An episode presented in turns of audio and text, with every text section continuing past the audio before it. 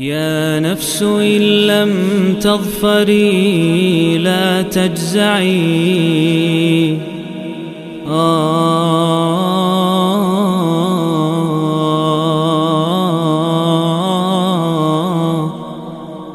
Bismillahirrahmanirrahim Alhamdulillah Wassalatu wassalamu ala rasulillahi amma ba'd Ini adalah audio yang ke-63 Membahas 114 surat dari Al-Quranul Karim Satu persatu Demi menyambut bulan Ramadan Dan kali ini kita bersama surat yang ke-63 Surat Al-Munafiqun. Surat Al-Munafiqun merupakan surat Madaniyah Diturunkan setelah surat Al-Hajj Dan sebelum surat Al-Mujadilah. Terdiri dari 11 ayat Surat ini disebut dengan nama al-munafiqun yang artinya secara bahasa Arab orang-orang yang munafik. Diambil dari ayat pertama surat ini idza ja'akal munafiquna qalu nashhadu innaka la rasulullah wallahu ya'lamu innaka la rasuluhu wallahu yashhadu innal munafiqina lakadzibun jika datang jika seandainya datang orang-orang munafik kepada engkau hai Nabi Muhammad sallallahu alaihi wasallam mereka mengatakan kepada engkau kami bersaksi bahwa engkau adalah utusan Allah. Maka kata Allah wallahu ya'lamu. Allah tahu kok bahwasanya engkau adalah utusannya. Dan Allah bersaksi. Jadi orang munafik bersaksi Allah bersaksi juga. Bahwasanya apa? Orang-orang munafik itu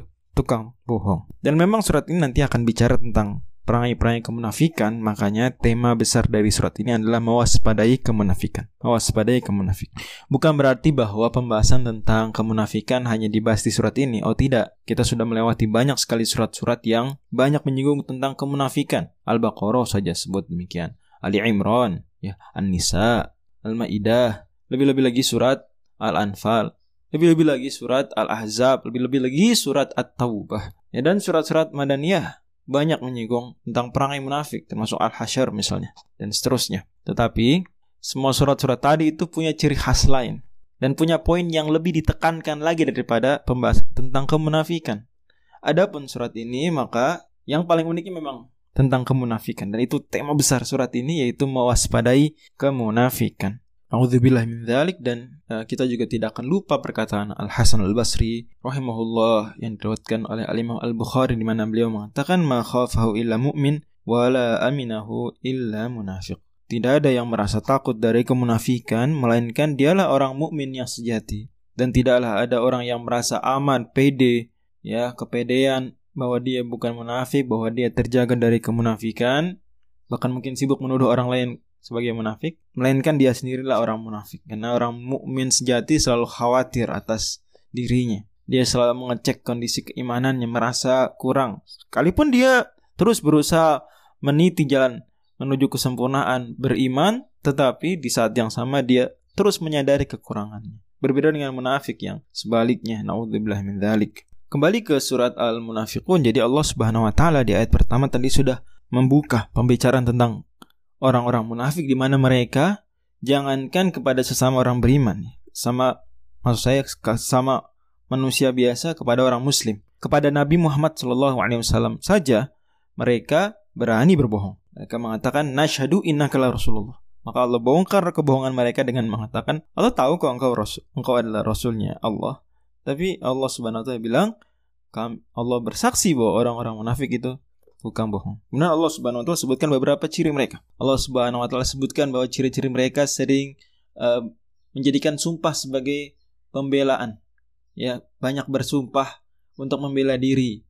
Ittakhadhu aymanahum junnatan. Bahkan dengan sumpah tersebut mereka menghalangi orang dari jalan Allah. Di antara ciri mereka di ayat ketiga Allah Subhanahu wa taala firmankan mereka ini apa? Tadinya masuk Islam kemudian hatinya mengingkari summa kafaru. Maka Allah Subhanahu wa taala akhirnya tutup hati mereka. Fahum la yafqah, mereka tidak memahami. Jadi demikianlah bahkan kata Nabi dalam hadis Tirmizi bahwa di antara perangai yang tidak didapati dalam kemunafikan adalah al-fiqhu memahami agama. Maka berbahagialah kalau Anda serius memperdalam agama itu jalan untuk menjauhi kemunafikan. Allah sebutkan juga di antara ciri mereka itu adalah apa? Selalu khawatir kemunafikannya terbongkar, selalu merasa orang tuh ngomongin mereka. Ya itulah orang ketika sudah menjauhi keimanan, jauh dari keamanan. Karena iman dan aman itu ada dua hal yang berangkai. Ya. Allah Subhanahu wa taala firmankan kan tentang hal ini di surat Al-An'am.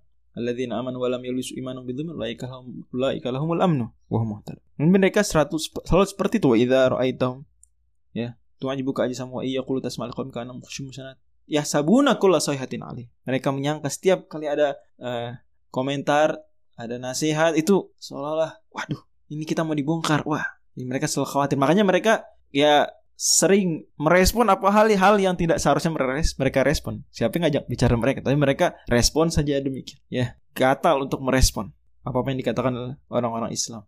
Demikian.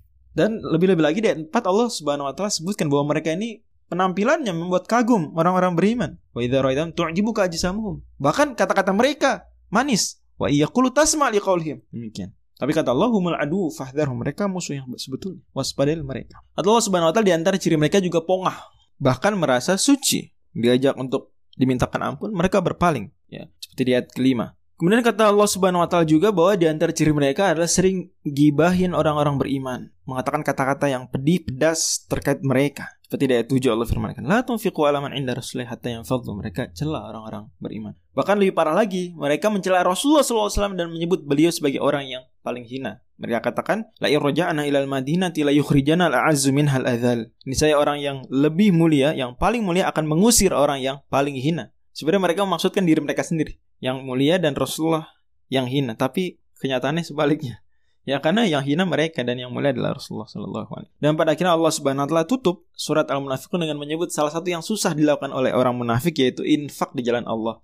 Karena infak itu bukti keimanan kata Nabi dalam hadis Muslim, wasadaqatu burhanun, sedekah itu bukti keimanan. Sulit orang yang hanya menampakkan keislaman, hatinya penuh dengan kekafiran, keingkaran, sulitlah untuk bersedekah. Dan ada yang menarik juga di ayat eh, terakhir ayat 11 ya. Surat ini 11 ayat dan surat ke-63 isyarat bahwa Nabi Shallallahu alaihi wasallam demikian kata sebagian penafsir itu apa? Itu wafat di usia 63 tahun di tahun 11 Hijriyah. Makanya ayat 11-nya walai yuakhirullahu nafsan idza jaa ajaluha wallahu khabirum ma ta'malun. Allah tidak akan menunda suatu jiwa jika sudah datang ajalnya. Allah Maha teliti atas apa yang kalian perbuat. Wallahu a'lam